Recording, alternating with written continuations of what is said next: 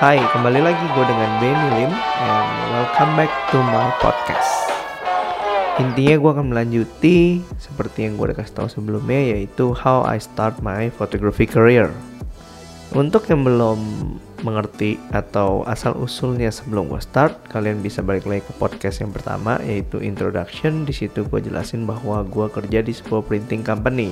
Awalnya gue inget banget waktu gue mau start fotografi karir ini adalah gue kena racun seperti biasanya. Pasti teman-teman sini ngalamin lah ya. Waktu teman-teman kita lagi demen fotografi pada ngeracunin tuh. Nah sama gue juga ngalamin yang namanya diracun jadi gue inget banget ada teman gue satu yang dia itu udah lebih profesional dia itu udah start duluan dia datang untuk ngeprint dan meracuni gue dengan kamera SLR yang di mana waktu gue mau beli itu ya akhirnya gue menghabiskan tabungan gue yang setelah gue tabung begitu banyak dan hilang sekejap. Bukan hilang sih intinya ya gue tuh nabungnya susah banget. Jadi kalau kalian mau tahu gue itu bukan start dari orang tua yang sudah sangat berada gue nggak bilang orang tua nggak berada ya tapi cukup orang tua gue berkecukupan ya tapi bukan yang ada banget gitu loh. Jadi kayak waktu gue start karir ini ya diuntungin sama yang namanya teknologi Facebook page. Kita nggak perlu website tapi kita bisa menggunakan itu sebagai website atau bisa kayak sebagai tempat untuk kita naruh portfolio lah. Kalau zaman sekarang mungkin kita bisa bilang Instagram, YouTube itu adalah tempat untuk kita naruh portfolio ya guys sih. Jadi menurut gue kita sangat diuntungin sama teknologi digital langsung aja menuju poin utamanya. Jadi gue inget banget bahwa untuk startnya itu gue mulai sedikit-sedikit mulut ke mulut banyak klien, and then gue mulai resign, and gue mencoba untuk memberanikan diri lah. Nah, apakah waktu gue memberanikan diri gue mendapatkan respon yang baik?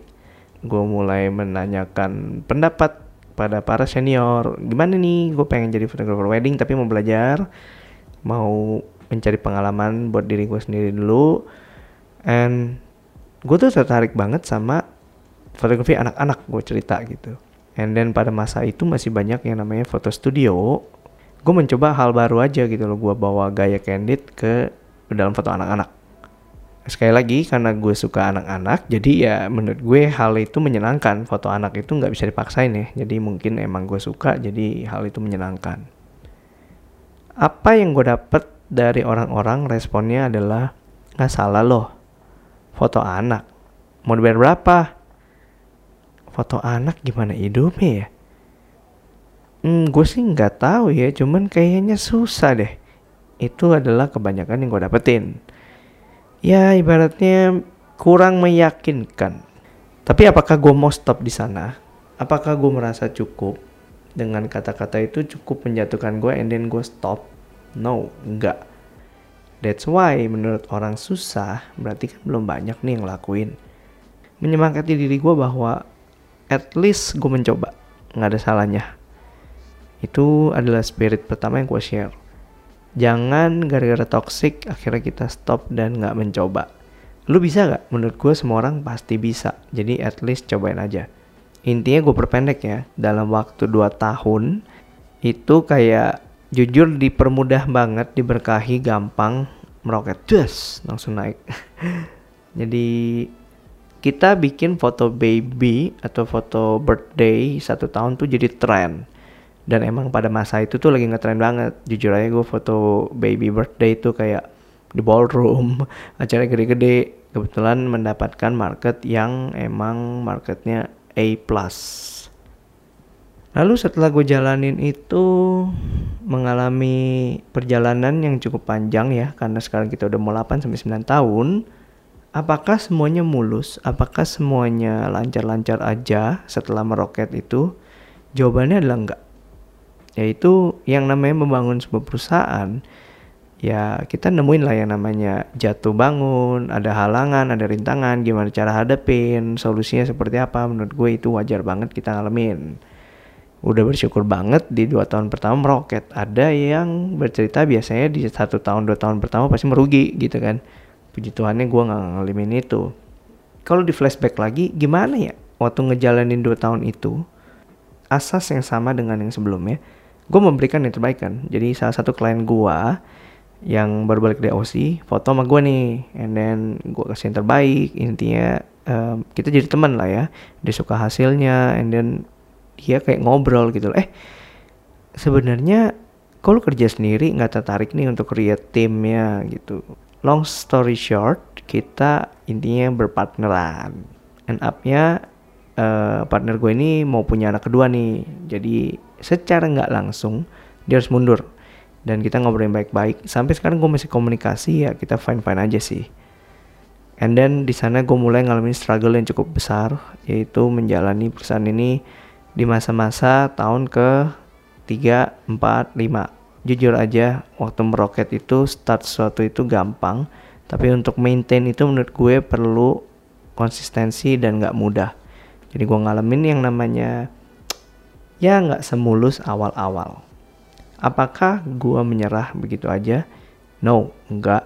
Jadi gue jalanin aja.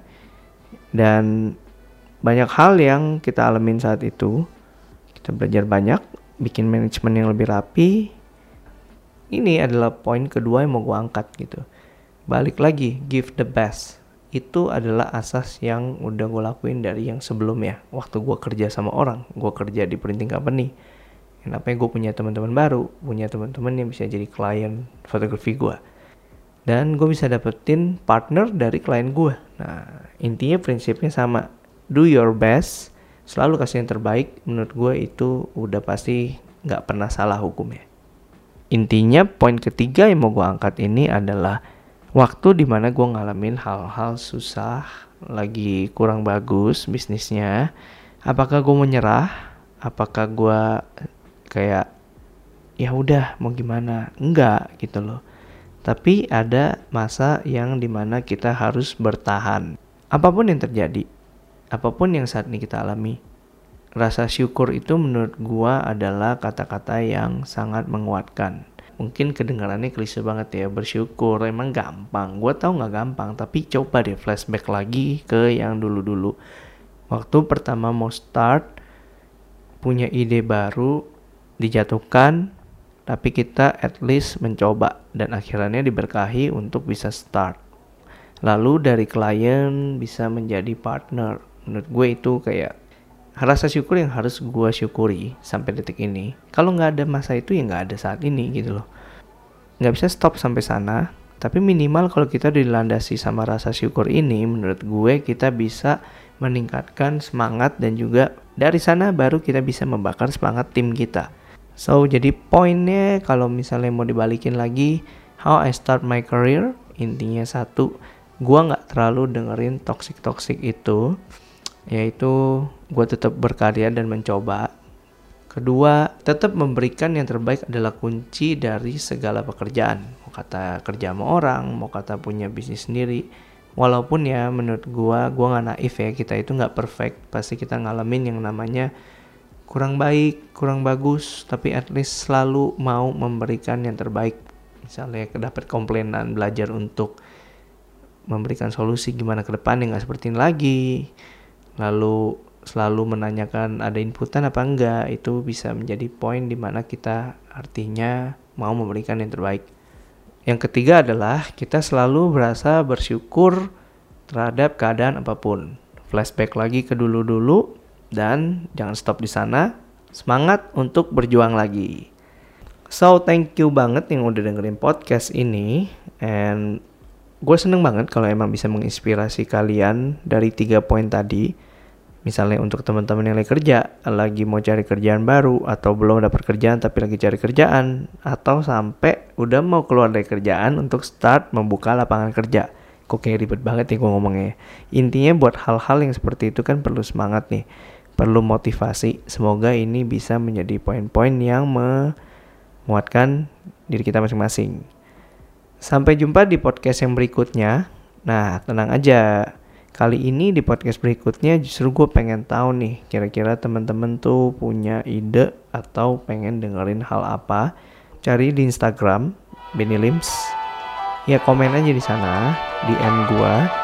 Kira-kira mau ngobrolin tentang apa, and see you guys in the next podcast.